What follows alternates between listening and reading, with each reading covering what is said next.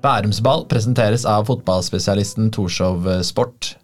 Mye kule butikker på Sandvika Storsenter, men vår eh, soleklare favoritt det er Torshov Sport. Den finnes også på Torshov i Oslo. Sjekk også ut torshovsport.no.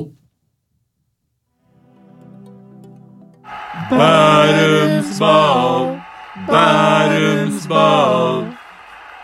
Du hører på Bærumsball, en podkast om bærumsfotballen av Endre og Even Lybekk. Ja, da er vi klare med en uh, ny episode av Bærumsball, og i studio så sitter uh, dommerens to beste venner, Endre og Even Lubek. Uh, vi har vel aldri klaga noe særlig på dommere før, Endre? Um, nei, vi har jo egentlig tenkt på det. Vi har jo snakket om det å være litt bevisst på at det er ikke noe å bruke noe energi på, for det du får du sjelden gjort noe med. og hvis det er i hvert fall sånn tenker jeg, og litt du også vel, at hvis det er blitt dømt, så har vi vel aldri sett at hvis du klager at noen dommere da går tilbake og sier ah, ok, jeg er enig med deg, det der var ganske dårlig av meg, da gjør jeg om på den fordi du var uenig. Ja, det, det, skjer veldig sjelden. Faktisk så var jeg på en bandykamp her på onsdag hvor dommerne ikke do, Dommerne valgte ikke å dømme straffe. En Drammen-spiller slang med, med kjeften, fikk ti minutter usportslig, og så gjorde de om og dømte straffe, og da kom han som fikk usportslig ut igjen. Okay. og det er jo ganske merkelig at kanskje han kalte han noen ikke pene ord, og så sa dommeren sånn, vet du det var egentlig straffe, jeg er egentlig enig med deg, jeg er en også det han sa. Altså, ja, jeg er enig med deg, du kom, kom ut igjen, det går fint. Men stort sett da, så pleier man jo ikke å, å gjøre om avgjørelsen. Jeg er helt enig med deg, og derfor så må vi jo ha med oss en dommer. og Espen Eskås, hjertelig velkommen. Tusen, tusen takk. Du, har du noen gang gjort om en avgjørelse? Ja, det er et veldig godt spørsmål, og, og temaet her er jo veldig morsomt. For det, det, er jo veldig lett å sitte og si at ah, det, det hjelper jo ikke å klage på dommeren. Men det glemmer jo alle med en gang kampen er i gang. Altså, Man klager jo like mye selv om man egentlig innerst inne vet at den avgjørelsen blir nok mest sannsynlig ikke gjort om.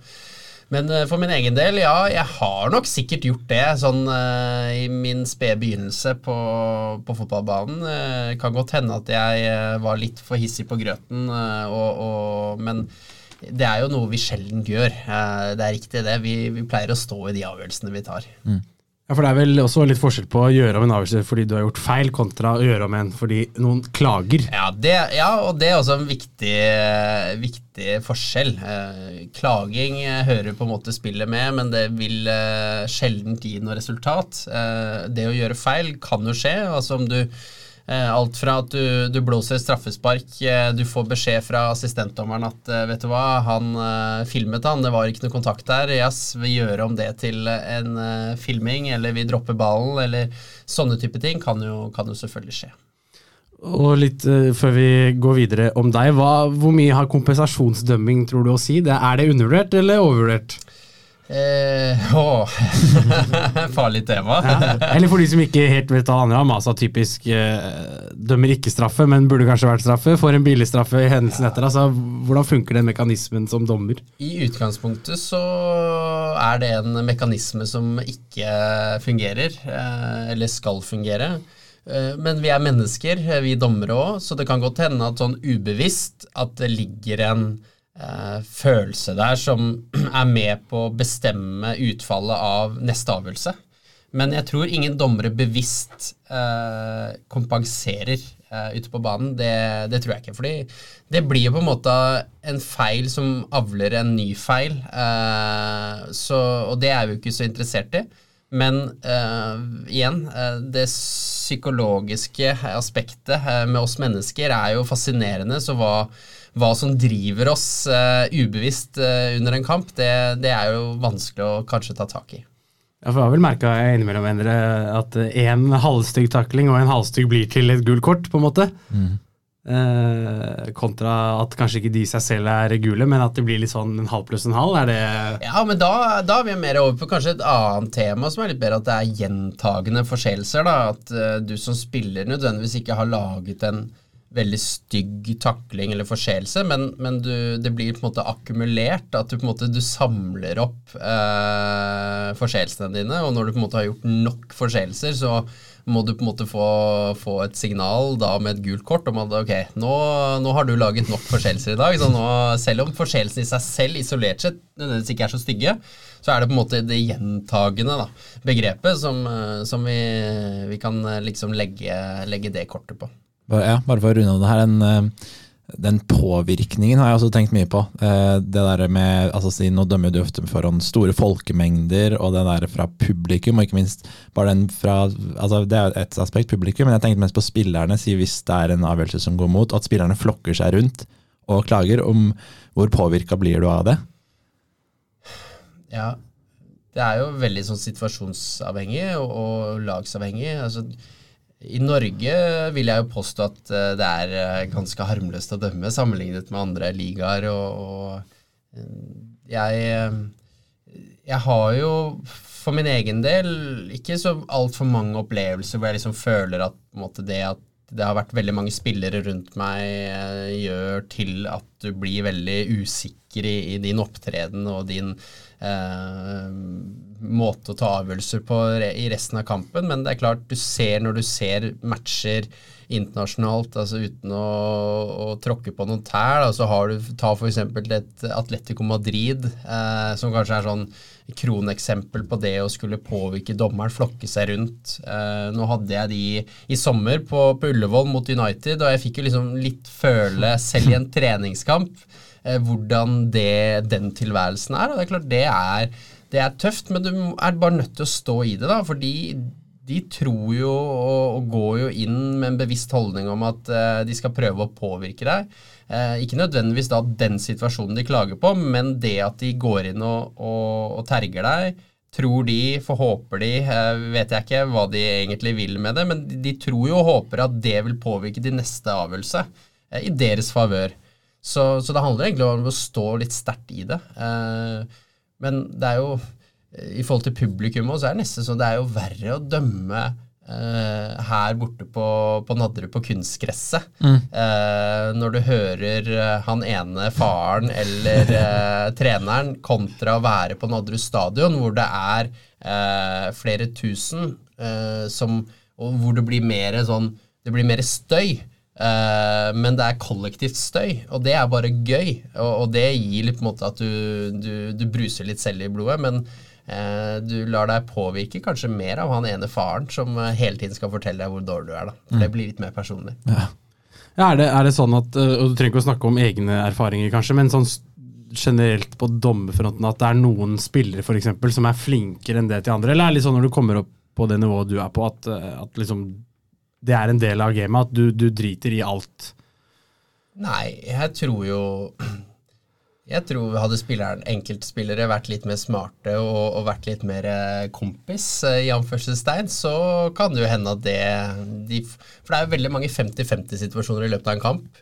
Uh, nå skal ikke jeg si at det at uh, jeg liker deg som spiller, gjør at du får mer frispark eller ikke, men det kan jo hende igjen, da, hvis vi tenker på det litt ubevisste følelsesregisteret du som menneske har. altså ok, eh, Har du en spiller som, som er ok å ha med å gjøre, som på en måte behandler deg som dommer godt, så er det mye lettere å behandle han som spiller godt tilbake. Eh, ergo 50-50-situasjoner eh, kan kanskje ha en større andel i hans favør eh, kontra motstanderen. så eh, Men der er spillerne veldig forskjellige. og, og du har jo liksom alt fra de noen unge, nye spillere som, som, vil opp og frem, som på en måte ikke bryr seg om alt, alt altså de, de, har kun fokus på seg selv og bare durer på, mens du har liksom sinnatagger, og de kan jo være sinnatagg selv om de er 35 og burde egentlig klare å beherske seg litt mer, da. Eh, så der har du også eksempler eh, i Eliteserien. Mm. Ja, for det er jo, for å dra kjapt til bandy, en, en viss spiller på Stabæk som alle vet som er, som på en måte jeg tror mange føler at han manipulerer dommere. da.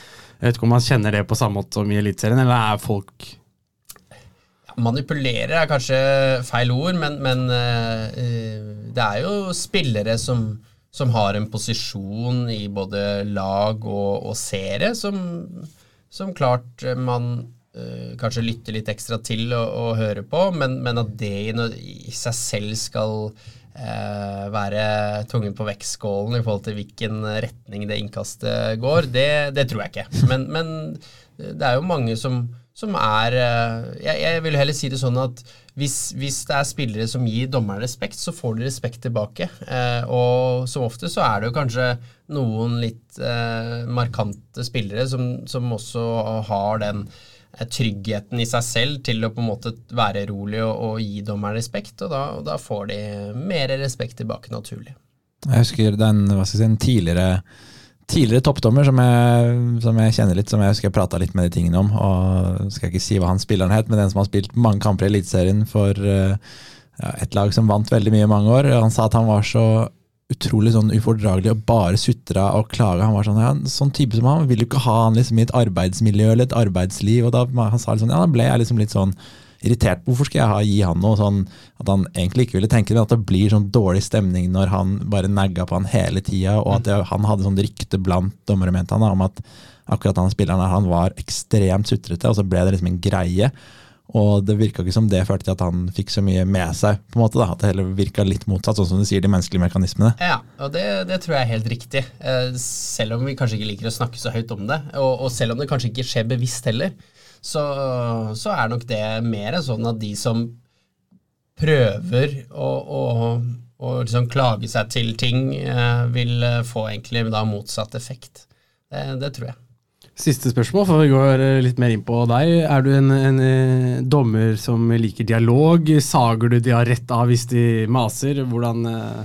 jeg, jeg, velger å tro da at, at, jeg er en spiller som spiller, er en dommer som spillerne eh, kan kommunisere med. Og, og, jeg liker jo å ha en dialog. Jeg, jeg syns det det er viktig for meg òg, personlig, gjennom kampen. Og, og, for ellers så er det ikke noe gøy. Altså det som Eh, er gøy med fotballdømming, er å, å, få lov til å liksom ta del i, i spillet med 22 spillere. Eh, og det at det er 22 forskjellige spillere, forskjellige mennesker med forskjellige behov, gjør også hele eh, oppgaven mer utfordrende. Ergo du kan kommunisere på én måte med én spiller, men så må du kommunisere på en annen måte med en annen spiller. Og, og det er kjempespennende. Så jeg er veldig opptatt av kommunikasjon, men det må være på eh, fornuftige premisser. Altså, ofte så hører du jo spillere så er det umulig å prate med dommeren. Ass. Det er helt krise, liksom. Han er jo bare helt ute å kjøre. Men så ser du gjerne at spillerne står og skriker dommerne i trynet. da, Og da er det jo ikke dialog i det hele tatt. Mm. Vi er jo veldig opptatt av å prate, men da må det jo være på en måte innenfor rimelighetens grenser. Så hvis du kommer rolig til meg og, og, og spør om noe, og så skal jeg gi deg et svar, men jeg gidder ikke å svare deg når du skriker meg i trynet. Eh, det hadde du ikke gjort på gata heller. Mm. Så, så, på en måte det, Noen ganger føler jeg kanskje at eh, spillerne er litt korttenkte på akkurat det. da. Interessant. Nå må vi ta det litt på deg òg. Født i 1988. Ja, den Crazy 88-gjengen eh, i Bærum, ja. Jar kirke, eller? Det er riktig. Ja, Så det er eh, en, en, kirke vi to kjenner godt, Endre. Ja. Eh, og født og oppvokst på Jar. Ja. ja. Og så leste vi at, uh, at du begynte i dommerkarrieren 2004. Ja, det er nok riktig. Mm. fader, det begynner å bli, uh, bli altfor mange år siden. uh, hva gjorde du i årene før det? Altså Nei, jeg, jeg gjorde vel som alle andre dommere, spilte fotball. Uh, og så kommer jeg jo på et nivå til slutt hvor jeg ser mine åpenbare begrensninger som spiller. Og, og, det er det jo liksom jeg har vel alltid hatt et konkurranseinstinkt om å, å, gjøre det godt i det jeg driver med. Og når jeg da ble henvist til andrelaget, eh, så var liksom ikke da, da, Det var ikke godt nok da, eh, for meg. Så, så, derfor så var det naturlig på en måte å gi seg som spiller. Men jeg syns jo fotballspillet eh, var veldig viktig å fortsatt være en del av. Og Da ble jeg jo introdusert for, for fotballdømming av da daværende kollega av min, min far, som nå er eh, arrangementsansvarlig i Stabekk, eh, Kjetil Ekeli. Eh, han og min far jobbet da i Asker og Bærums Budstikke, eh, mm. som det het da, tenker jeg, og nå Budstikka. Eh, og, og, det var han som fikk meg inn i dommerverden. Eh, og jeg har liksom ikke sett meg tilbake, da. Uh, og han var veldig viktig for meg uh, i mine første år òg. Jeg tror på mange måter jeg ikke hadde vært der jeg er i dag i dommerkarrieren uten at Kjetil var så flink til å følge meg opp i starten. For det er, det er litt sånn alfa og mega når du er fersk ung dommer. At du har en trygghet. Fordi det er igjen masse møkk som eh, du må tåle. Og og det er liksom sånn Vi kan snakke masse om det, og det men eh, noen ganger så er det sånn at vi må kanskje Jeg skulle ønske at liksom, ja, vi får til en holdningsendring, og sånt, men det er lettere sagt enn gjort. Eh, og så får man heller akseptere at det finnes bare altfor mange mennesker som ikke vil deg godt eh, der ute, og det er kjempesynd. Men ok, da må vi, hvis vi ikke kan gjøre noe med de som skriker, så må vi på en måte gjøre noe med tryggheten til de som er likevel er ute på der. Og da er det jo på en måte den backingen å ha um, tettere og tryggere oppfølging på yngre dommere viktig, og, og Kjetil var kjempeviktig for min del. Ja, Drev du med noe annet da du var yngre? Ja, jeg har jo gått langrenn. Eh, prøvde meg på noe Klærbuklyv eh, i Fossum. Eh, men eh, der òg var det vel sånn etter hvert at jeg, jeg så, så mine klare begrensninger. Men, men skigleden har jeg, jo, har jeg jo bevart sånn sett, så jeg skal på fjellet etterpå og gå litt på ski. En av de få kalde frihelgene man har gjennom et år uten, uten fotball. så må må pleie både skifølelsen og, og forholdet med dama i en frihelg på fjellet denne helgen her. Vi har fått inn litt spørsmål også. Kan ta noen underveis. siden jeg men spurte det er jo viktig, eh, da. Men ja, bare før vi ha spørsmålet. Bandy har vi vært innom. Jeg har jo spilt bandy òg. Så jeg har liksom vært innom, eh, innom de klare Bærum-sportene. Hva spilte du med da? Noen som spiller nå, eller?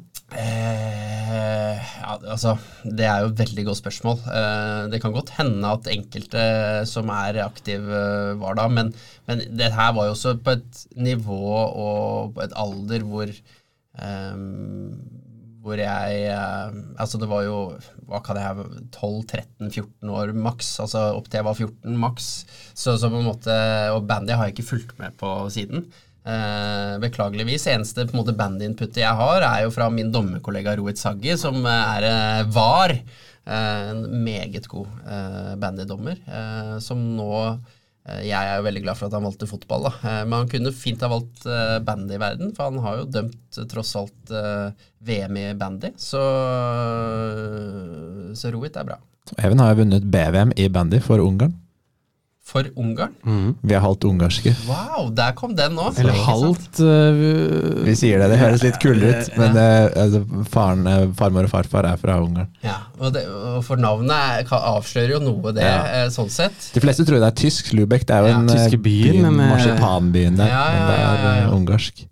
Så da, da har vi sagt det en gang for da alle at det er ungarsk. name-droppa en del uh, gulrøtter der. Ja, men det er bra. Det er heter bra. den Stabæk bandysangen? Krutt i kølla? Ja, jeg har jo spilt, eller jeg spiller fortsatt, og, og har jo Jeg tipper på mine fem år i Eliteserien sluppet inn rundt 100 mål mot Stabæk på Sagbanen, og de spiller jo Simply the Best eller Krutt i kølla hver gang man slipper inn. Ja, ja. Så Simply the Best har jeg slått av på radioen, for det er dårlige minner av, for å si det sånn. Ikke sant? Vi snakket om ting du har gjort før, og så fikk vi Ja. et spørsmål her fra en som heter Thomas Mumb, som spurte eh, Begynte du tidlig med fløyte, korps på Jar skole, hvordan var det? Ja, Fikk du inn orden fra tidlig alder? Er du den som vekker folk på tur med fløytespill? Ja, men det er jo riktig. Altså, jeg, eh, jeg gikk jo på Jar barneskole. eh, Ble tidlig introdusert for eh, korpsverden. Eh, Det er vel feil å si at det var frivillig. Eh, Jeg må, kaste, jeg må nok kaste min far under bussen der. Eh, Han eh, har vel alltid hatt en forkjærlighet for korpsmusikk, og jeg fikk liksom tredd denne trompeten i truten, da. Og så var det for så vidt helt kurant. Jeg syns det var ok. Fantastisk miljø og en fin sånn sidegeskjeft ved siden av idretten.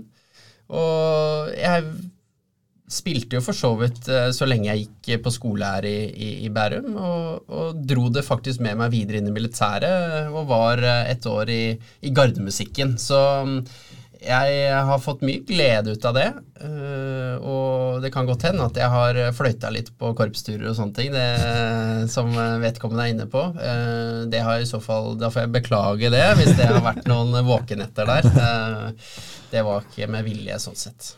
Men var du innom smågardisten nå der? Bare Jar eh, Nei, jeg har bare vært i, i, i JAR. Eh, smågardistene var jo Det var A-lag. Det var A-laget. Det er jeg helt enig i.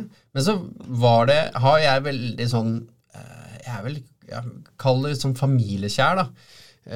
Så på en måte hvis du startet i JAR, så var det liksom JAR som gjaldt. Og det var nesten det var liksom kulere å liksom slå litt nedenifra og opp. Eh, men når det var korpsstevner her, om det var på Bekkstua eller så var det liksom Når eh, smågalsene kom, så var det Det var eh, Ja, de var fete, altså. Jeg husker det. eh, men uh, jeg får slå i bordet med at jeg har vært i, i ektegarden etterpå, jeg, da. Så da i storgardistene, hvis vi kan kalle det det. Så da, da trakk jeg det lengste strået til slutt, uansett. Ja, Så sitter vi med trippel E her, Endre, og du kjenner jo litt til en fjerde E mellom oss tre. Ja, fordi um, jeg gikk jo i klasse med søsteren din på Ringstavik. Eva. Ah, riktig. Så, og så husker jeg hun alltid snakket om at fordi faren, din, faren deres heter Pål, Ja, og broren din heter Per. ja. Og Per, Pål og Espen Askeladd, at det var en sånn greie som, var, som hun syntes var veldig morsomt. da. Ja, Jeg syntes det var litt gøy, og de andre hva skal jeg si, åtte på Ringstadvekk syntes ikke det var så gøy, for de var mer opptatt av andre ting. Men eh, det husker jeg satt seg liksom ja, familien min så er det Per, Pål og Espen Askeladd. Ja, he, he. Ja, eh, det er jo eh, Den kommer jo opp til stadighet eh, som en liten digresjon, men det, jo, det er jo litt spesielt. Jeg, jeg vet jo ikke helt hva mamma og pappa tenkte på når de satte i gang med det der. Jeg vet jo at Per Vi har jo alle mellomnavn. Altså, det er jo Eva Andrea. Så er det Per Anders, og så er det Espen Andreas. Så det er på en måte fellesnevneren. Men hvorfor det liksom ble Per, Pål og Espen, det vet jeg ikke. Det har jeg ikke fått noe godt svar på. Jeg vet at Per er jo eh, oppkalt etter en svensk sportskommentator. Eh, som eh, kommenterte noe greier eh, når han eh, kom til verden, eh, som eh, brant seg fast på, på hendene til mamma og pappa, i hvert fall. Så derfor så ble det Per. Eh, men hvorfor eh, det ble Espen og Nei, nei jeg vet ikke. Men, eh, men det er jo en morsom greie som, eh, som er litt sånn Det er bare gøy i Norge, da. For det er jo ingen andre Det er ikke noe sånn der fet story å ta i utlandet. Liksom.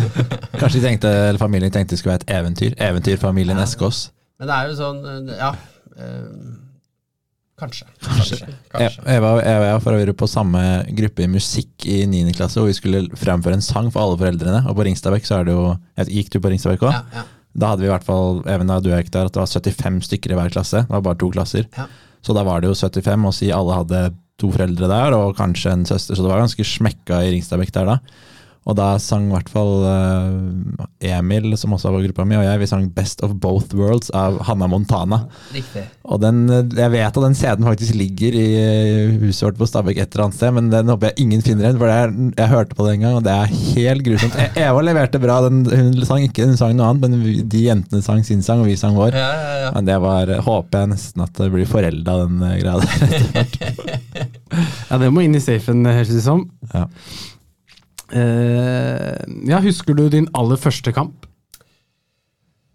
Nei, eh, men det, altså det, jeg, jeg husker på en måte min første sesong, men jeg, jeg husker ikke min første kamp. Det gjør jeg ikke. Eh, Det er vanskelig å se tilbake på akkurat det. Men jeg, jeg hadde veldig mange kamper her på, på Nadderud. Eh, på, nå er det jo eh, altså den, det kunstgresset som er det Tobbebanen, eh, som det nå, det nå heter. Eh, det var jo det så fine der, var altså, det var jo en bane eh, når jeg også vokste opp. måte, Det var jo tidlig kunstgress der, ikke sant. Eh, og eh, det ble jo på en måte et samlingspunkt eh, opp gjennom min oppvekst òg, akkurat den banen. Eh, og jeg har hatt veldig mange av mine første kamper, altså det første sesongen, dømte jeg der, da. Så, så der er liksom gode minner både som spiller og som dommer fra, fra Tobbebanen.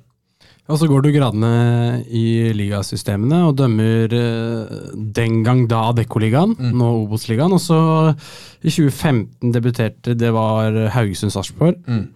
Hvordan eh, var det å få den beskjeden om at du skulle opp på det øverste nivået? Ja, det var jo fantastisk, selvfølgelig. Eh, Noe jeg da følte at jeg var veldig klar for, og hadde vært klar for i mange år. Altså, jeg var nok på et tidspunkt i Adeccoligaen og da Obos-ligaen litt sånn eh, rastløs, eh, utålmodig. Eh, ville opp og frem, og så måtte jeg gå noen runder med meg selv og, og med forbundet om at ok, jeg er nødt til å være tålmodig, eh, gjøre jobben, eh, få erfaring.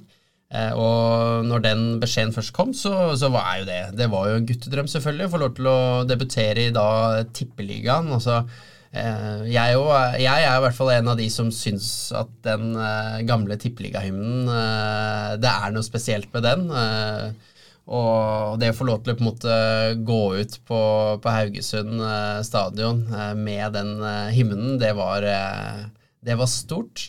Eh, og, og noe jeg vil eh, huske eh, for all tid på den måten. Eh, men eh, det er jo også andre ting med den kampen som gjør at den, den står seg litt i historiebøkene. Jeg tror jeg satte norgesrekord i antall gule kort i første omgangen der, så, så jeg, måte, jeg var ganske heit eh, og, og, og hissig på grøten når vi først kom i gang. Men den hymnen, altså, hva er det den Fordi nå er du den derre Og den er jo helt ok, men hva er det den der, derre ja, det er den fanf mer fanfarehymnen. Ja, ja. ja. Nei, hvilken uh... Det er hvor det bygger seg opp, og sånn ja,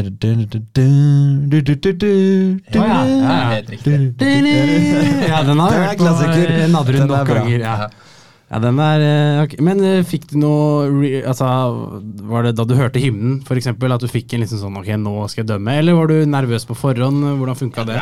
Jeg er nok nervøs. Øh på forhånd i garderoben, eh, men nervøs er kanskje ikke riktig ord. Altså, du er veldig spent, Mm. eh, så fordi du, du, gleder deg. Eh, og, og er spent, og, og så vet du på en måte at du er god nok for oppgaven, men så, så er det sånn det, det morsomme og spennende med fotball. Det er, du vet, selv om du på en måte har kontroll og føler at alt er good, så, så vet du aldri hva som skjer i en kamp. Da. Altså, det kan bli eh, straffespark etter 30 sekunder, det kan bli liksom eh, åpen, fratakelse, åpenbar skåringssjanse og rødt kort etter to minutter, og kampbildet blir helt forandret. så, så, vi også som dommere danner jo oss et eh, kampbilde i hodet, et kampforløp. Vi liksom eh, Jeg må jo snakke for meg selv, men jeg tror veldig mange med meg visualiserer veldig mye hva som vil skje i løpet av kampen.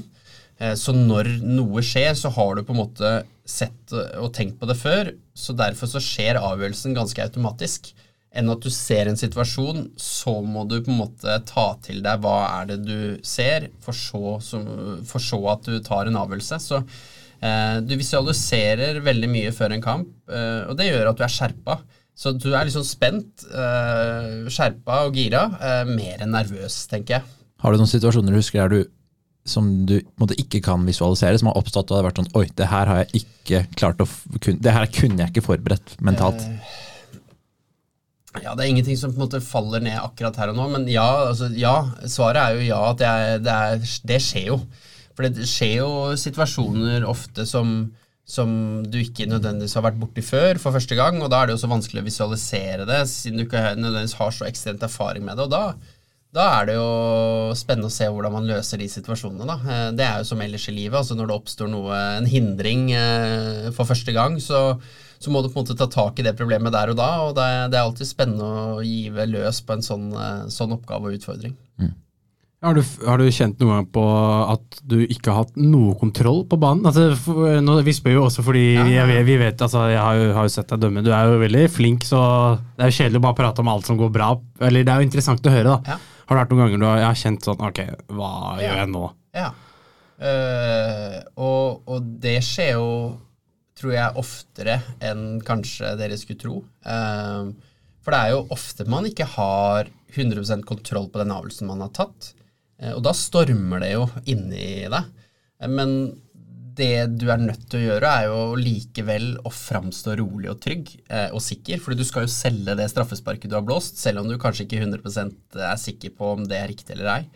Så, så det er jo en øvelse i seg selv å, å tørre å ta en avgjørelse på et litt sånn utrygt eh, beslutningsgrunnlag, fordi du har ikke sett 100% hva som har skjedd, men erfaring tilsier at hm, her er det mange elementer som på en måte huker av for et straffespark. Jeg er ikke sikker, jeg må fremstå sikker, så da er det liksom Vi, vi pleier liksom fargelegge det bildet hvor du har en, en liten and eh, som uh, ser ut som bare flyter helt rolig oppå vannet og, og aner fred og ingen fare, men under vannet da, så går de beina som faen. Ikke?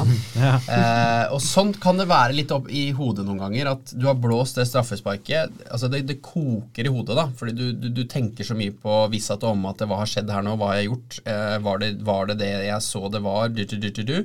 Det, du har protester, de samler seg sånn, men likevel så skal du liksom bare Slapp av, gutta, jeg har kontroll. Det er bare å gå. Altså, det er 100% Og det er eh, Den eh, ageringen eh, og evnen til å klare å fremstå rolig der skjer jo ikke over natta. Så det skjer jo med erfaring. Så jo flere sånne situasjoner som du på en måte har hoppet kanskje litt langt uti dypet på, gir deg jo en ballast til senere kamper som gjør at du kanskje står litt tryggere i deg selv og tryggere i de avgjørelsene du tar. da. Jeg må spørre eh, eh, innom det. Hvis du har vært usikker på en eh, straffe, f.eks., er det lettere å fyre tilbake til de spillerne som eh, står og skriker deg opp i ansiktet? Altså At du står her litt sånn ja, kanskje ikke burde vært straffe, Ja. kontra at du er bombesikker, og så er det sånn Nei, gutta, kom Ja, det, det, kan godt, det kan godt hende at du har litt annen approach Ja. hvis du er usikker, men, men det tror jeg også er litt sånn ubevisst. Ja. eh, fordi jeg tror vi mennesker sånn er vi usikre, så svarer vi jo usikkerhet med usikkerhet, og da er det liksom du fyrer litt tilba lettere tilbake da, enn at du er veldig trygg, så, så kan du jo svare rolig og behersket. Så ja, veldig godt, uh, godt eksempel det. Ja, for jeg husker jeg har dømt mye bandy, og det har vært litt sånn Hvis jeg er helt sikker på en straffe, så er det sånn Nei, bare kom dere unna, jeg har riktig. Men hvis du er usikker, så blir det litt sånn der Plutselig skal du med, med liksom Hold kjeft til deg, eller så blir du litt sånn frekk tilbake. Da. Sånn der, jeg vet jeg kanskje ikke er riktig, men vær stille. Ja, ja, ja. ja. ja godt poeng, det. Um, Hvilke bandycamper har dømt litt yngre, er det ikke det? ja, og da er det jo også foreldre som Espen er innom, som kanskje er verst, da. Som skal stå og pirke på det hele tida. Så noen spiller som er 'Å, du er så jævlig dårlig', så er det sånn hold, Eller ja, hold kjeften din. Hvis du er litt usikker, sånn, hold kjeft, gå unna. Kontra hvis du er helt sikker, bare sånn du Jeg har riktig, det vet du òg, ikke sant. Um, har det vært mye tunge dager som eh, dommer? Uh, ja, altså Jeg har uh, heldigvis vært veldig skånet for uh, skader, så uh, vært Og det er nok Altså, jeg er kanskje heldig med at jeg har en kropp som er mottagelig for mye trening og belastning. litt sånn bank i bordet på det. Så, så hva gjelder skader og sånn, så, så har det vært veldig greit. Eh, kamper i seg selv, ja, du vil jo alltid ha en kamp eller to i løpet av en sesong hvor du på en måte bare I helsike drev jeg med i dag? Eh, men eh, det jeg føler at jeg klarer på en måte å legge det ganske kjapt bak meg. Eh, det jeg har kanskje slitt mest med opp gjennom karrieren, var litt den perioden hvor jeg følte at jeg stagnerte litt, var moden for større oppgaver, men ble liksom ikke sett eller hørt. Da, da hadde jeg liksom en periode hvor jeg, hvor jeg liksom revurderte hele opplegget. Jeg, jeg studerte jo Jeg startet jo å studere juss etter eh, militæret, og, og det var liksom på jussen i Oslo hvor jeg også samtidig på en måte tok steget fra tredjedivisjon til andredivisjon, fra andredivisjon til, til da Adeccoligaen. Eh, og så var liksom punkt der hvor eh, ok, nå, nå blir liksom sånn halvveis på både For når du kom til Adeccoligaen, så begynte det å bli ganske seriøst. Eh, det ble liksom, Plutselig så var det treningsleir på La Manga, det var turneringer, det, var, så var, det ble, begynte å bli en del reising. og, og og jussen er jo ikke sånn walk in the park-studie akkurat, så det, det krever liksom litt disiplin, og, og nå er vel ikke jeg først eh, Altså, jeg er vel ikke best på disiplin heller, da, og struktur. Eh, Det skal jeg være ærlig på, men jeg merket at uh, det ble litt sånn halvveis på begge områder, så, så da var jeg litt sånn tenkeboksen Ok, skal jeg legge legge fotballen død um, for å satse eller på en måte gjøre 100% på, på skolen, eller, eller skal jeg liksom likevel gi det nå en, en sjanse? Uh, og, og jeg valgte jo da det siste, uh, å gi fotballen en sjanse, og da legge jussen på hylla en periode. Og det å være Adecco-ligadommer er jo ikke noe luksuriøst økonomisk heller, så det var liksom et veldig sjansespill i forhold til det å eh, lykkes. Eh, jeg var vel arveløs eh, en liten periode der òg. Eh, kommer du fra Bærum, så er det på en måte Du skal gjerne gå de, de vante stegene gjennom eh, skole og, og, og det som hører med. Eh, så, så jeg valgte en sånn utradisjonell retning. Eh, som jeg i dag er eh, kjempestolt av å, å ha gjort og stått i. Eh, og på en måte kommet ut eh, som seierherre på den måten at jeg, jeg turte å ta den sjansen. Da. Eh, og eh, jeg ville jo jeg ville jo angret mye mer på Hadde jeg i dag sittet som en eller annen eh, advokat eller noe og tenkt på ah, hvor fett hadde det ikke vært å reise rundt i Europa og, og, og dømme med Champions League-hymnen, liksom. Det, og nå har jeg liksom klart å huke av det, og da, da, da er jeg jo kjempestolt over det. Mm, hva var på en måte fordeler og ulemper da du skulle ta det valget? Hva var det som talte for å legge jussen litt på hylla, hva talte mot? Eh, altså Pros and cons. Ja, ja, ja, og det er et veldig godt spørsmål. Og, og det som talte imot å, skulle på en måte legge studier på hylla, var jo at du, du legger jo potensielt da en veldig trygg fremtid eh, og tilværelse litt sånn på, på is, og, og begir deg ut på noe som er veldig utrygt. Altså, eh, du, du kan, det kan vise seg at du, du, ikke er en god nok dommer i seg selv, som gjør at du ikke kommer opp. Du kan bli skadet, som gjør at du må gi deg. Eh, så det, er mange elementer som, som, tilsier at det valget jeg da tok, egentlig er, var feil. Altså sånn eh, rent statistisk og teoretisk. Men, men likevel. Eh, jeg hoppet nå ut i det og, og, tenkte at der og da skulle det ikke gå, så, så, har man muligheten til å eventuelt gå tilbake på, på, de andre planene man hadde i livet. og ja, jeg hadde angret veldig på hadde jeg ikke tatt sjansen. Mm. Interessant uh, å høre. Um, hvordan ser på en måte en vanlig uke ut for deg, for du jobber fulltid ved siden av? Ja. Hva er det du jobber med? Du, Jeg jobber uh, i et selskap som heter Verifone. Uh, vi driver altså Det er veldig, uh, veldig enkelt på en måte. Altså Vi driver med betalingsløsninger og, og, og, tilbyr på en måte betalingstjenester til folk og fe. alt fra Eh, Bettas eh, kiosk på hjørnet til eh, Rema 1000 som kjede. Så, og da er det jo alt fra betalingsterminaler til nettbetalingsløsninger.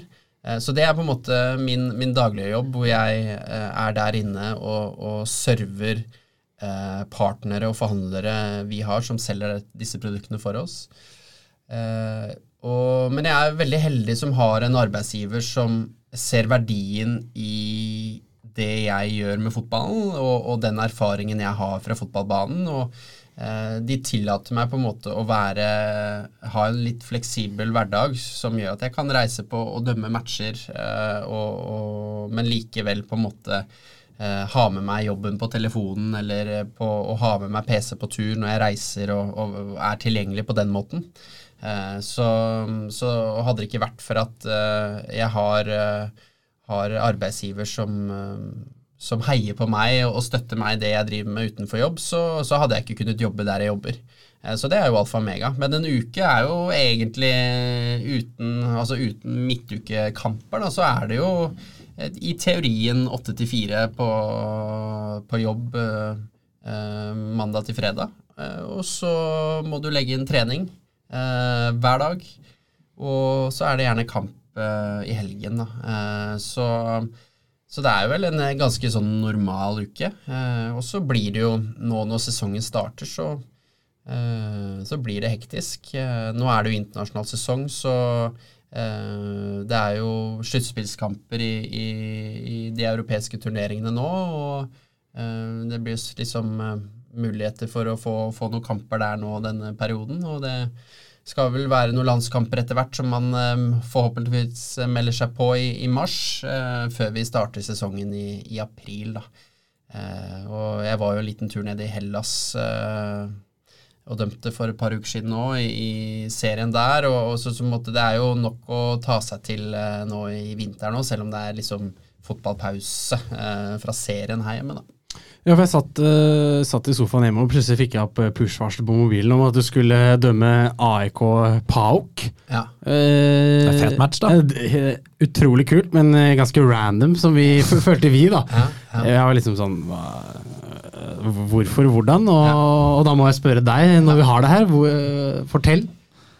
Ja, det er jo veldig spesielt i Hellas. De, de har jo noen store klubber som eh, er eh, av den oppfatningen av at når de spiller mot hverandre, så er de overbevist om at dommeren er i lomma på det andre laget.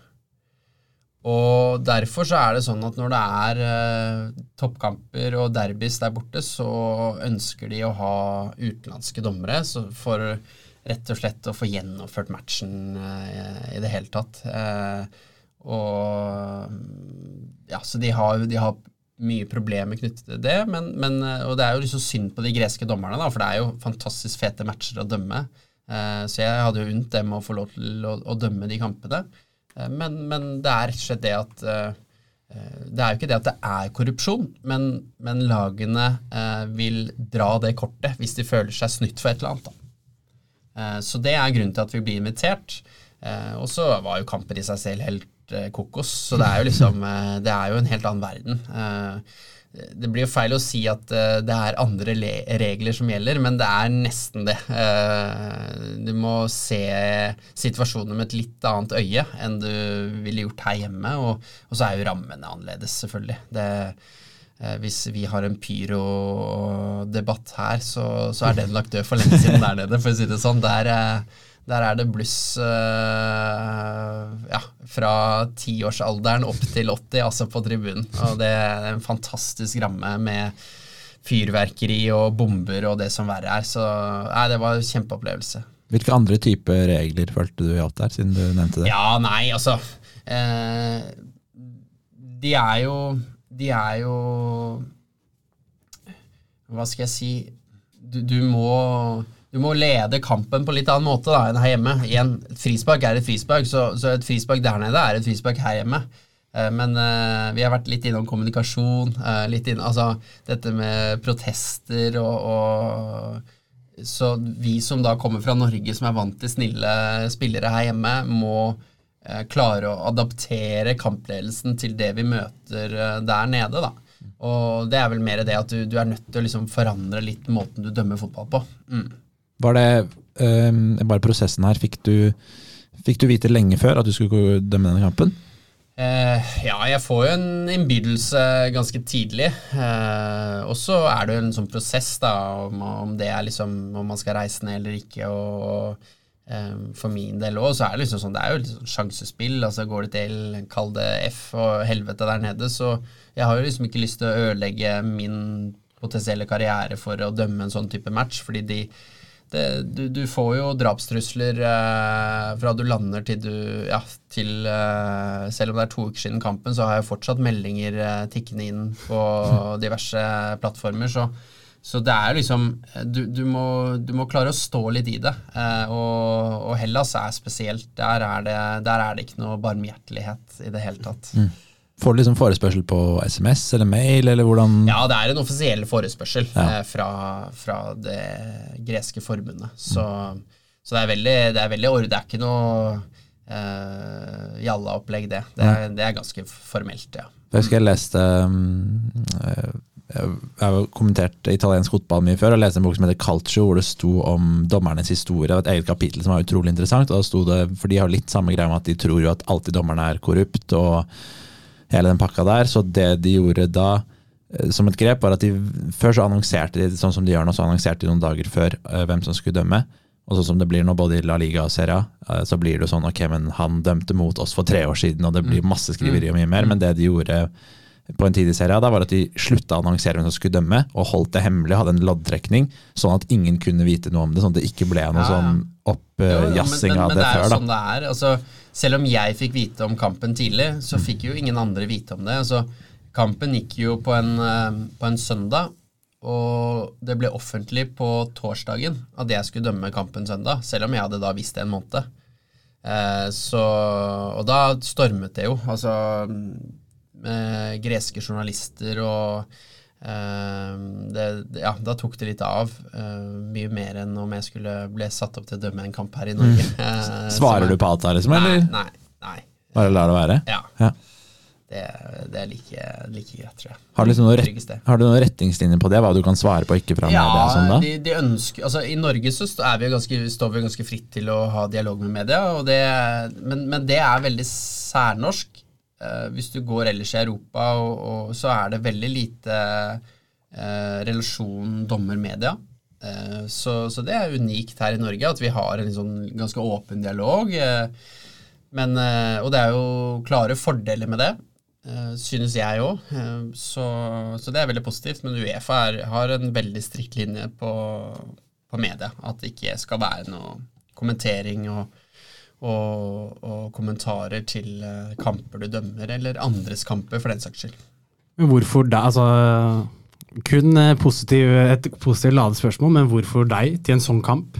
Uh, nei, det er jo for så vidt et godt spørsmål. Jeg har kanskje ikke det beste svaret selv, du må nesten spørre de. Men uh, jeg tror jo, jeg tror jo de, de, de, ønsker jo å få en, uh, en stor pool med dommere der nede, og så det på en måte ikke er de samme dommerne som kommer ned hele tiden. Så har jeg jo hatt en uh, fjorårssesong som uh, var veldig positiv uh, for min del, med, med, debut i Champions League bl.a., som, som gjør at du plutselig får et navn som gjør at du kanskje er på en liste plutselig, hvor flere ønsker at du kan hjelpe til med kritiske kamper i andre ligaer. Mm.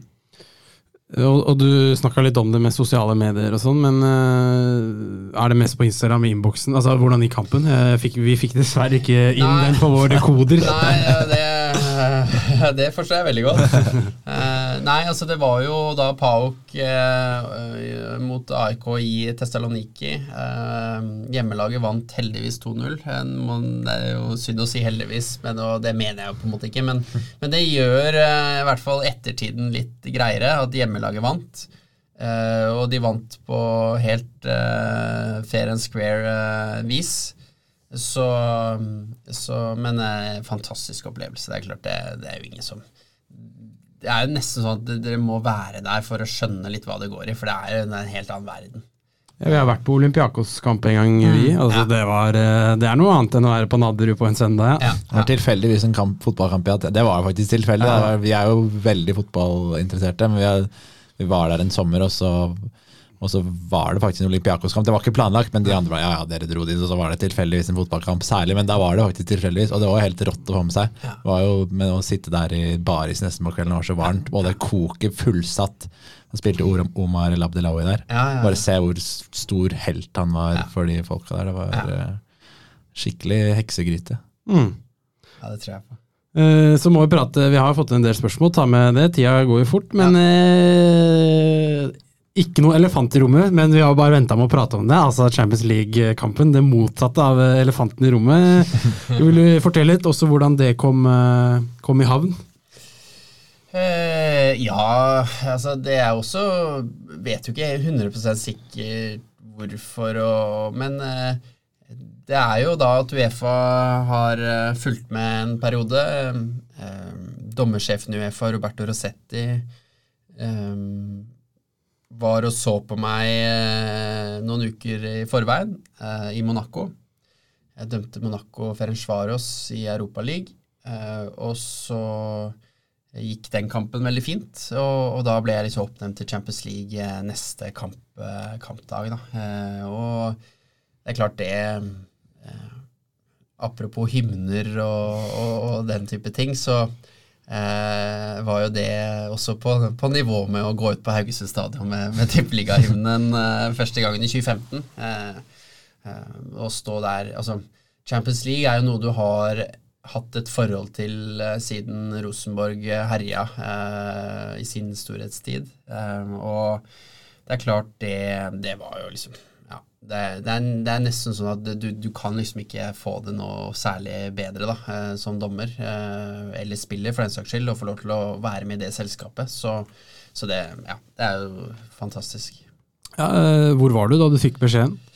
Uh, jeg var på vei til uh, Nei, jeg var på Løvenskiold. Jeg skulle ta skyteprøve uh, med, med, rifla. for jeg skulle til svigers og, og jakte, egentlig, den helgen der. Så jeg måtte skyte opp. Og Terje Hauge, dommersjefen da i Norge, ringte meg. Uh, og så, så, Jeg fikk jo da den beskjeden rett før jeg skulle skyte opp. Uh, og den skyteprøven gikk jo ikke bra, selvfølgelig. Uh, for da var jo liksom pulsen og adrenalinet helt i topps. Så, så de skuddene satt ganske bra utenfor blink. så jeg måtte dra opp dagen etterpå og skyte opp på nytt. da okay. Så det var liksom Men det, det gjorde jeg med glede. Er det sånn, Når han ringer, er det sånn ok, oh, oh, nå er det enten krise eller en god beskjed? Det er ikke noe sånn, bare en generell prat om hvordan det går med kona og sånn da? Eh, ja, det er jo ofte et eh, tema knyttet til samtalen. Eh, men, men Terje er flink til å, til å ringe og, og høre åssen det står til òg, så, så det kunne også vært det, altså. Eh, men eh, jeg skjønte at det kunne være noe i gjære, så, eh, så jeg tok telefonen raskt når jeg så det var han som, han som ringte. Men var du, det var, kom som et øh, Kanskje feil ord å bruke sjokk, da. Men øh, du, du visste ikke noe om det, eller? Nei, nei, det var jo en overraskelse. Eh, Det er klart, Jeg har jo hatt det som et mål og en motivasjon å jobbe mot eh, i flere år nå. Og, og For noen år siden så satte jeg jo ned en del punkter på et ark som, som skulle liksom være noe å strekke seg etter. Og, og da var jo Champions League-debut eh, eh, et av de punktene, men den skulle komme i 2024 eh, eller 2023. Så, så at den kom på en måte i 2022 var liksom bare over all forventning for min del. Eh, Men samtidig så, så har jeg og teamet og, og NFF vi har liksom jobbet målrettet i, i lang tid, så, så det er jo likevel fortjent. Og, og vi har liksom gjort en grundig og god jobb, eh, alle sammen. Så, så det var liksom ikke helt eh, bak eh, mål at vi fikk en debut plutselig, men eh, litt eh, før enn kanskje forventet. Så skrives det mye i media på forhånd, altså både kampen altså AIK og PAOK, og denne her så er det jo SK også oppnevnt. Men det pleier sjelden å være artikler i etterkant. Med mindre det går skikkelig dårlig. Ja, med mener det er helt Men hvordan gikk den kampen?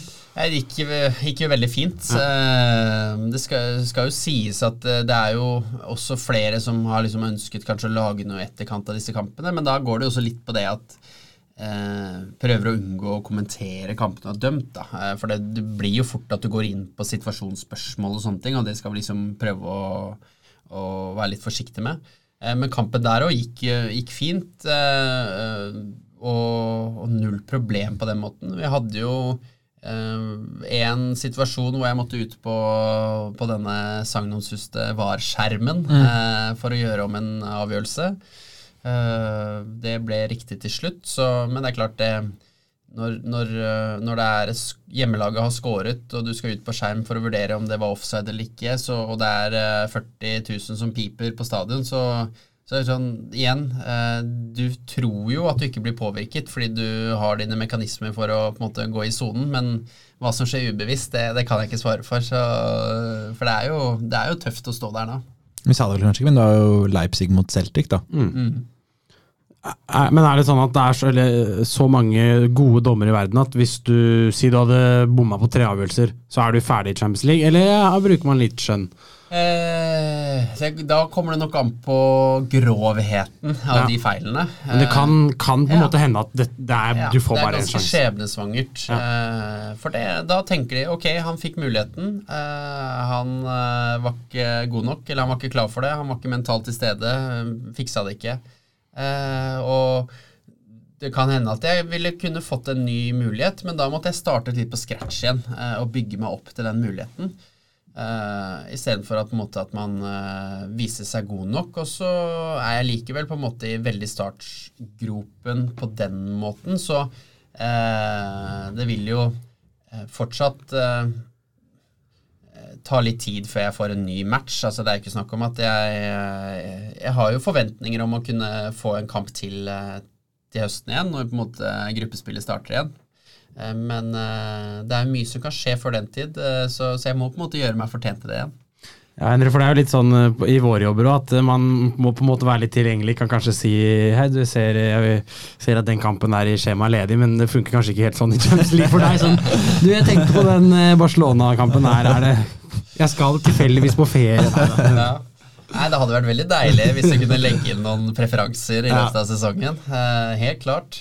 Nei, det er ganske Men sånn er det for så vidt her hjemme i Norge òg. Det, eh, det er jo en eh, Det er NFF og det er Uefa som, som setter opp dommerne, og, og de har på en måte enevelde eh, på hvordan det fungerer. Så her hjemme så kan du kanskje være med på å legge noen føringer rundt knyttet til ferier og den type ting, eller hva det nå enn er. Men, men det er i utgangspunktet NFF og Uefa som uansett har siste ord i saken der, så, så du må nesten bare sitte og vente og se hva du, hva du får eventuelt. Bare ikke stille opp med i media med drakten til et lag internasjonalt. Da. Det var vel den saken Ja. 2006 der, var det ikke det? Før Ja. Champions League-finalen, hvor han ene som skulle være på linja, Uh, ja. sto med Ars, Det var noen som hadde funnet et bilde av han i en Arsenal-drakt. Ja, eller Barcelona. han- Barcelona. Barcelona. Ja. Før Barcelona-Arsenal, sånn ja, var det. Ja. Og, historien skal jo Altså, historien var jo slik at han eh, er jo fra Drammen, eller Drammen-Buskerud, Drammensområdet, og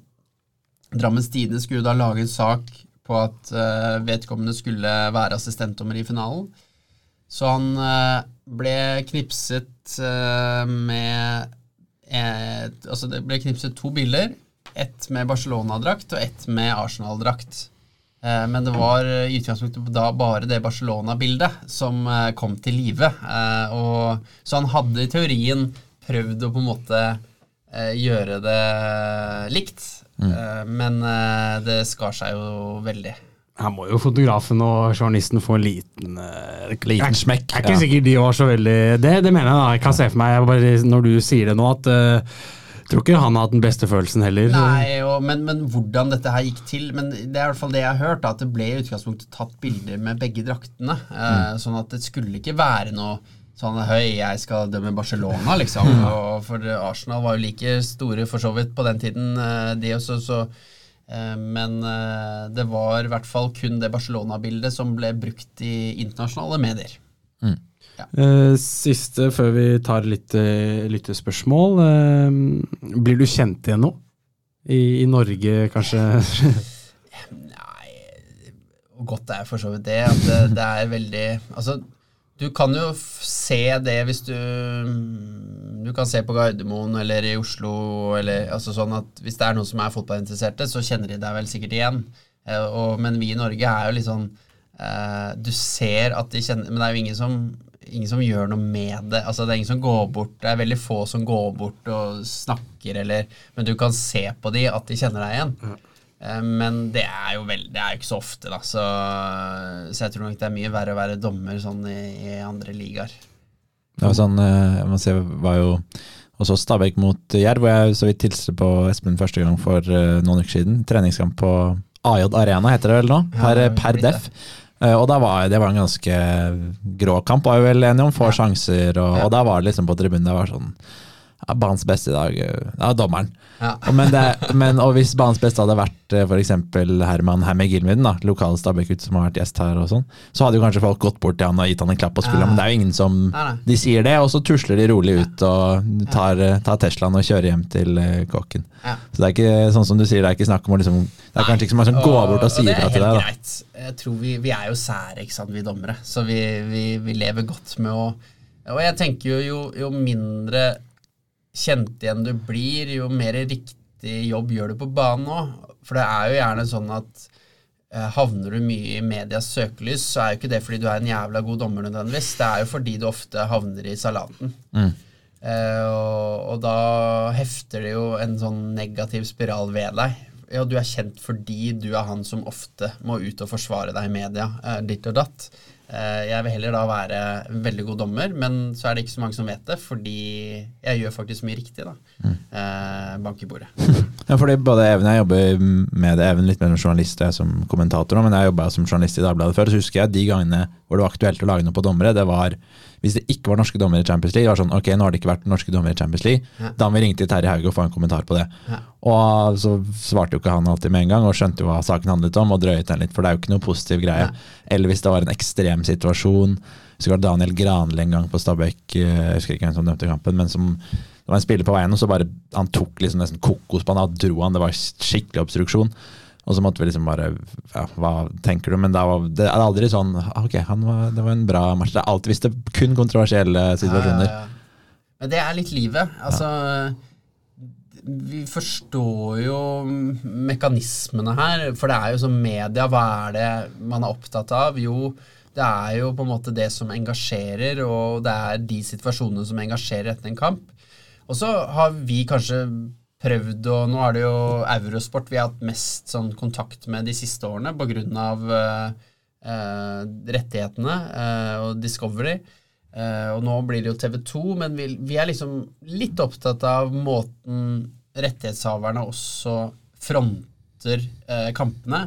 Eh, hvorfor nødvendig Og så går det ikke an å heller ha fokus på det positive som skjedde i kampen med det målet eller den altså sånn, enn at man skal prøve å søke etter og lage eh, noe Altså mm, ofte så føler du at de prøver å koke litt suppe på spiker, da, fordi eh, ja, vi vet at eh, straffespark engasjerer, så vi må se var det en situasjon vi kan diskutere fra denne kampen her, hvor det kanskje skulle ha vært et straffespark, så griper de den med begge hendene, da. Istedenfor å bare Ok, den, det var en 50-50-vurdering, sånn er det. La heller ha fokus på det som var bra i kampen.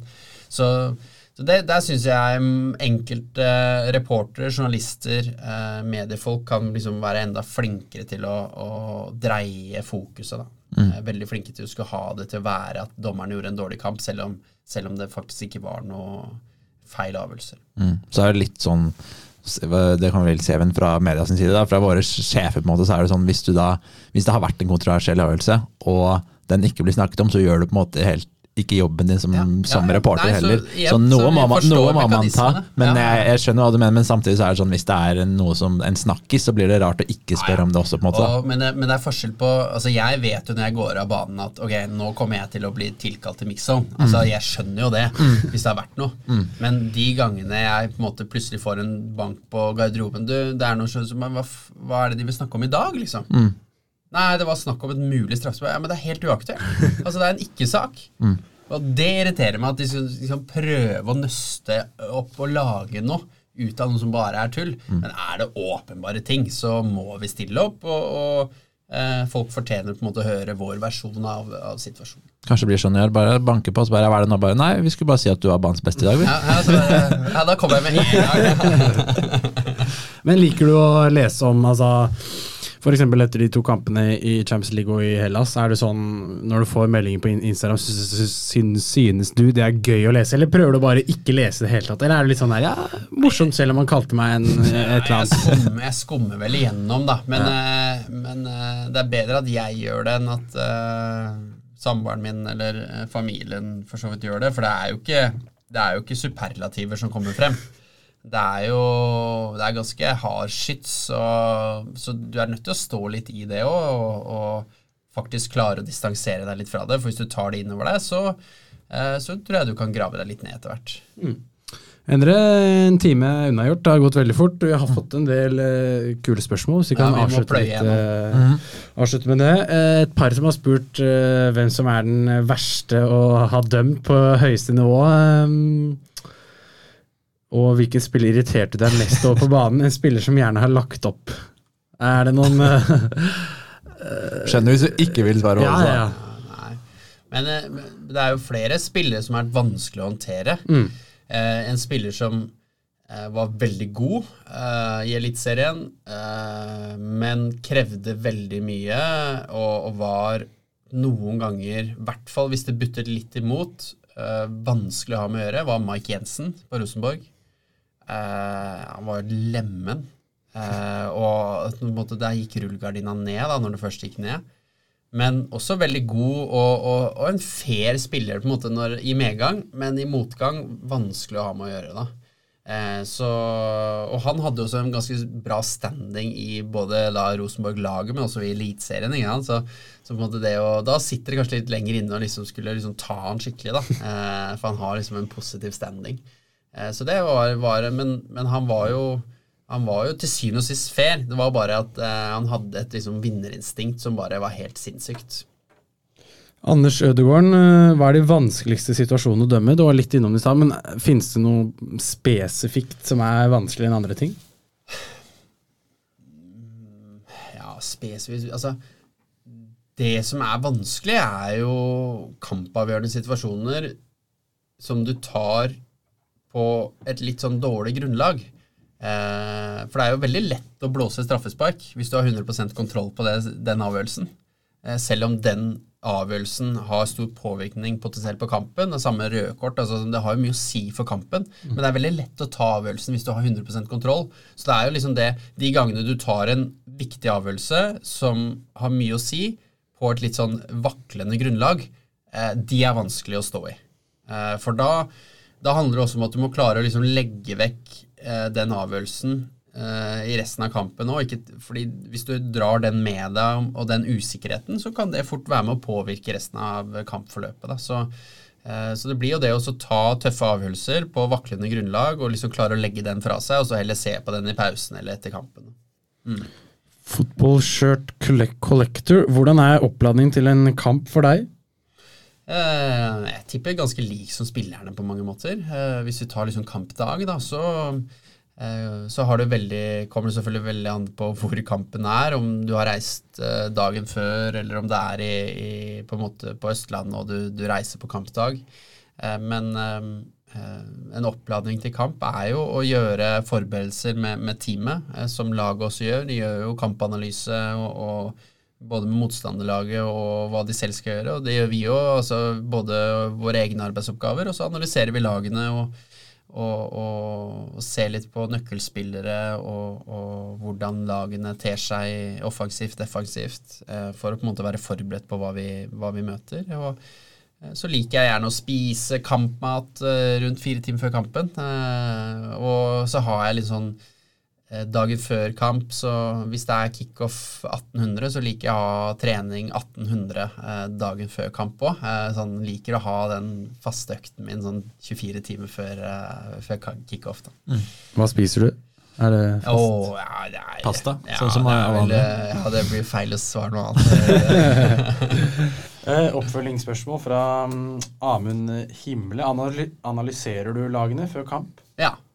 Eh, og så er det jo kanskje mye viktigere å gjøre det eh, i starten av sesongen. Altså sånn enn underveis. Så så en måte, de kampanalysene blir jo kortere og kortere for jo lenger ut i eliteseriesesongen du har kommet. Så da er det jo mer andre eh, samarbeidsforberedelser vi har fokus på, men vi må jo analysere nå. Det er jo masse nye spillere inne i lagene, ikke sant, og ny trener kanskje hos enkelte. altså sånn, Plutselig så har de forandret spillestil, så vi er nødt til å analysere lagene. Og, og, det er også kjempeviktig når vi reiser ut og dømmer, ikke minst hvor det da er lag du ikke har vært med før. Så er vi nødt til å, å sette oss ned og se på det. Og Han har også spurt skal du veilede Norcore 1 i år. Der, der, er ikke vi helt på ball, ah, ja, men nei, du må forklare kjapt. En, uh, dette er vel en uh, fotballdommer, dette her. Ja. ja. Nei, altså i, i, Norge så har vi delt opp uh, Det er en form for talentgruppe og talentsatsing og utviklingssatsing NFF har startet. Så så Norcore-systemet, det er liksom Norway Center of uh, referee excellence står vel det for. Uh, så fint. Uh, og, og, der er det forskjellige grupperinger, og Norcor 1 er vel da på kretsnivå i Oslo, tenker jeg. så dette er sikkert da en, en ung, lovende dommerspire i Oslo fotballkrets som jeg kanskje er nødt til å komme og se på nå, da, når han eh, spurte. Navn kan fås i etterkant av episoden. Eh, spørsmål fra vår eh, gode venn Erik Beutelsbakker. Får dommerne vite i pausen om de har gjort en feil, stor feil, i første gang? Ja, det er jo mange som sender en melding og prøver å fortelle oss det, i hvert fall. Men jeg liker jo å titte på viktige avgjørelser jeg har tatt. Så da danner jeg meg en formening om jeg traff eller ikke. Men er det noen som kommer inn, i, inn hos dere, eller en, en dommerveileder f.eks. Nei, sier den Nei, ikke, ikke en dommerveileder. Det, den praten tar vi etter kampen. Ja. Eh, så i pausen så, så, forholder vi oss til oss selv, og, og, men vi liker jo på en måte å titte på situasjoner som, som er, eh, er, av betydning. Men Sjekker du mobilen i pausen, liksom? Akkurat det jeg skulle spørre om. Ja. Hvis det er noen som har sendt en melding, kan, du ha svar, kan det hende at du I teorien kan jeg jo svare, men jeg svarer jo ikke i pausen. Nei. Nei, det gjør jeg ikke. Men Sjekker du Twitter, eh, søker på Eskås og så for eksempel? Ja, eh, nei, ikke peisen. er 28 minutter, hva er det Eskås driver med? Ja, ja. og Twitter òg er jo et medium hvor, uh, hvor, det bare er toxic hvis du liksom søker navnet mitt. da. Altså, mm. sånn, det, er jo, det er jo ingen som Ingen som velger å liksom bruke spalteplass på Espen Eskås uten å skrive at han er ræva, liksom. Det, det Kjempekamp. Ja. Så, så, det er også sånn jeg, jeg, tror ikke du vinner mye på å lese søke Eskås på Twitter, egentlig, om for deg selv. Nei. To, eh, to, spørsmål til. Hvordan, eh, også Erik, hvordan stiller du deg til dommere som har mikrofon i andre idretter? Ja, Det er et veldig spennende spørsmål. og jeg eh, er overbevist om at vi med tiden vil eh, kunne få det i fotball. Eh, og det Ja. Det må rett og slett bare bli godkjent fra øverste hold. Og da er det IFAB og Fifa som styrer med det. Men det er jo noen prøveprosjekter nå. Det var jo det klubb-VM var det vel nå, hvor de hadde annonsering etter at de hadde vært ute og sett på skjerm. Så, så annonseres det på stadion den avgjørelsen som skal tas. Eh, Så er jo spørsmålet liksom om man drar det enda lenger da med å ha mikk under kampen, og du hører all kommunikasjon. Det var vel noe sak nå med noe i håndballen hvor det var meldt noe frem og tilbake. Eh, og, og det er jo Ja, det er jo det som på en måte er akillesen der, da. At eh, eh, da blir det jo ufiltrert eh, kommunikasjon, og, og sånn kommunikasjon er det. Eh, ja. Et kjapt svar her. Morsomste kampen han har dømt, fra Halvor Holtesaul? Uh. Eh, ja, altså Kjedelig å svare Champions League. Ja, ja, men det er det jo ikke, Nei. på en måte. For det, det, er en, det er kanskje den største kampen, da. Men morsomste kampen jeg har nevnt, det er uh, cupfinalen 2019, uh, Viking-Haugesund. Fullsatt Ullevål stadion. Altså, fy fader, for noe rammer og opplegg. Fantastisk opplevelse. Der var jeg 1-0, ikke sant? Ja. Ja. Straffeskåring. ja. Var du trygg på straffeavgjørelsen? Eh, der og da, ja. Eh, kanskje blitt mer utrygg. Fire år etter! Neste spørsmål. Eh, en som spør Mex har høyde mye å si for å dømme, dømme på et høyt nivå som hoveddommer. Eh, nei, det, det er det jo ikke. Men det er klart, eh, jo, jo mer robust og høyde du har, eh, jo lettere vil du kanskje få en naturlig aksept og pondus utpå der. Så, men sånn i teorien så, så har ikke høyde i utgangspunktet noe å si. Og så Elias eh, Reksen, hvordan forbereder du deg mentalt før Leipzig Celtic? Gjorde du noe annerledes?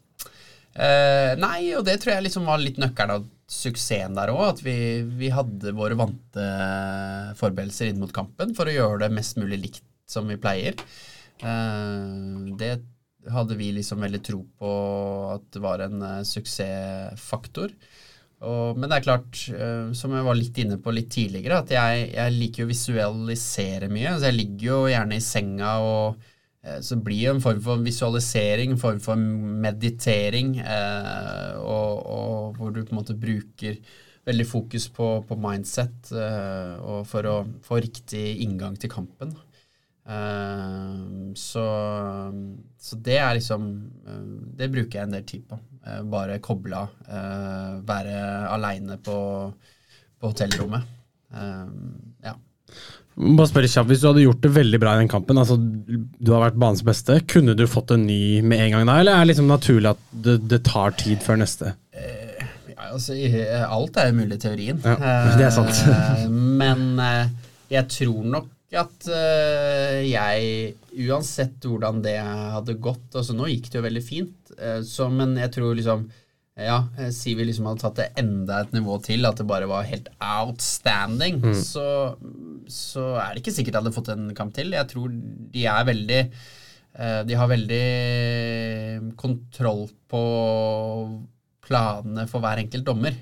Eh, Så på en måte de har på en måte et løp dommerne skal følge, og, og nå var liksom min tur til å komme på en måte få smake på det store selskapet, få erfaringen på det, og så skal jeg fortsette å bygge liksom eh, bygge erfaring. Eh, Nå ble jeg i går tatt ut til å dømme U21-EM i, i sommer, eh, som på en måte er nok et ledd i på en måte min erfaringsbank, eh, for å på en måte stå enda mer robust til, eh, til ny sesong, eller ny internasjonal sesong da, som starter over sommeren.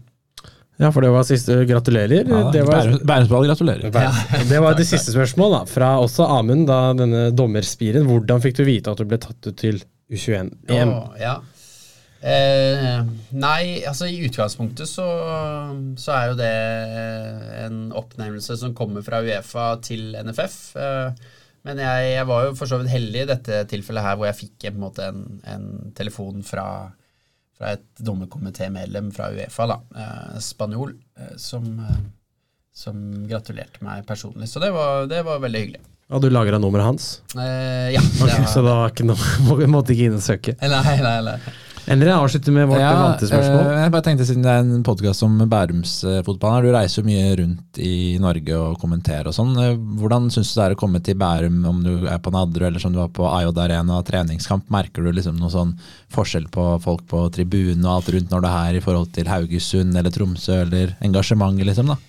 Ja, godt spørsmål. Nå, nå er jeg jo altfor sjelden på Nadderud, f.eks. Altså, det er jo ikke naturlig for meg å altså, jeg, får jo ikke, jeg dømmer jo ikke Stabæk. eh, Dømmer eh, så, så derfor så er det sånn sjeldent å eh, og jeg har liksom ikke tid til å dra og, og se på kamp, for jeg dømmer gjerne selv. Mm. men det å reise rundt og dømme treningskamper her er jo, er jo veldig hyggelig. Du kjenner jo mange i, i klubbene her, eh, så, så det er jo alltid hyggelig å, å, å dømme om det er Bærum, om det er Asker, om det er eh, eh, Stabæk for den saks skyld, så, så er det jo mange i og rundt klubbene du kjenner til og, og har samarbeidet med, med i mange år, så, så det er jo veldig hyggelig. Eh, også publikum, altså det er jo eh, tenk, altså jeg kobler veldig av da når jeg dømmer, så det er liksom sånn du legger ikke så fryktelig mye merke til hvem som er på kampen. Eh, kanskje litt synd, men eh, du går litt sånn inn i en sone. Ja, for jeg har snakket litt om før i podkasten her, Even, at det er jo eh, det er jo ikke så mye engasjement rundt eh, Stabæk og Bærum. Bærum var vel et av få lag som ikke hadde supporterklubb da de var i førstedivisjon. Ja.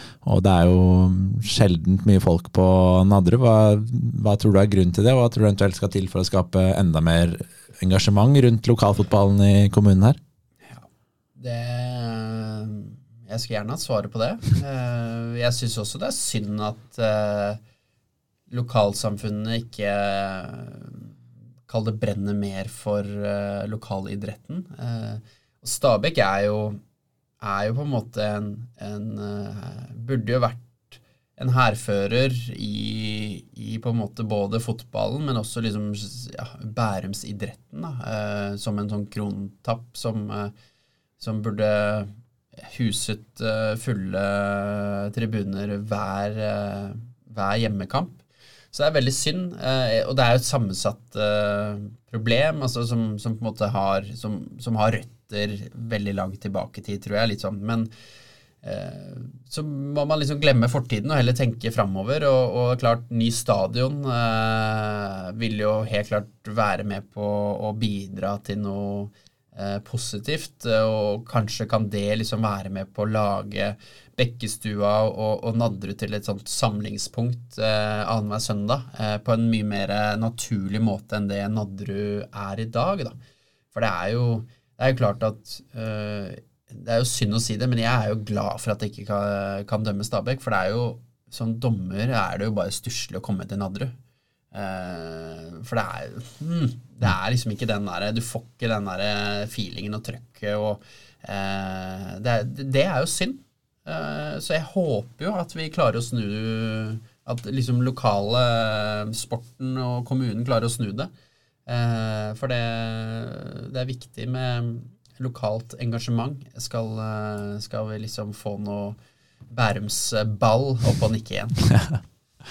Det er bra. Nå har vi vært gjennom veldig mye her. Det siste spørsmål som vi pleier å stille, er om eh, hvis du ville vært eh, oss som skulle intervjuet Espen Eskås, hva ville du, hva ville du spurt om da? Oi. Oi, det var jo et veldig eh, vanskelig spørsmål. Du har jo en podkast selv som for øvrig er veldig bra. Så lenge siden jeg har kommet til episoden nå, men Ja. do, Dommerjævel, for jeg anbefaler å sjekke ut Ja, eh, den. den jeg sa eh, det jo liker jeg. tidligere at min eh, kompanjong der er vel sikkert forbanna over at jeg bruker tid på andre podkaster enn enn vår egen. Men eh, ja, altså Vi, uh, vi syns jo det er generelt bare gøy å prate fag. eh, og det er jo mye fag eh, som har blitt pratet i dag òg. Og det er jo liksom Jeg syns det er spennende å få lov til å, å prate med, med folk som er fotballengasjerte, interesserte, og ønsker å lære mer om eh, dommerverden. For det, vi er eh, sære mennesker som, som lever litt i vår egen verden. Men så ønsker vi også å ta mye mer del i fotballfamilien. Eh, Vi føler liksom at vi er litt sånn det derre eh, særkullsbarnet som på en måte er med i familien eh, fordi vi må, men ikke fordi vi er velkomne alltid.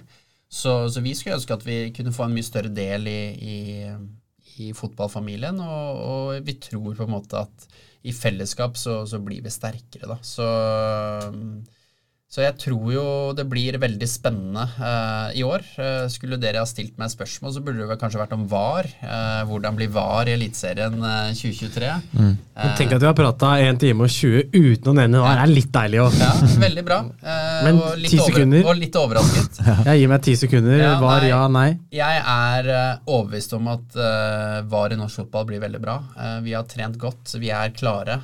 teknologien er utmerket. og alle som tror at VAR i norsk fotball er eh, VAR light eller eh, VAR 2-0 eller ditt og datt eh, som ikke er oppe og nikke, det, det er helt feil. Altså, dette blir veldig bra, og vi gleder oss kjempemasse.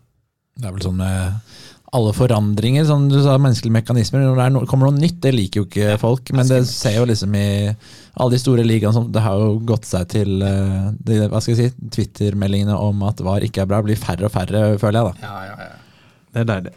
Så bra. Ja, men da, Det var veldig bra, Espen. Lykke til med sesongen og U21-EM og alt. Tusen takk, takk for, for det. Takk for at vi kom med, og lykke til videre med podkast. Ja, takk. takk for det. Hei, hei. Snakkes på den. Hei.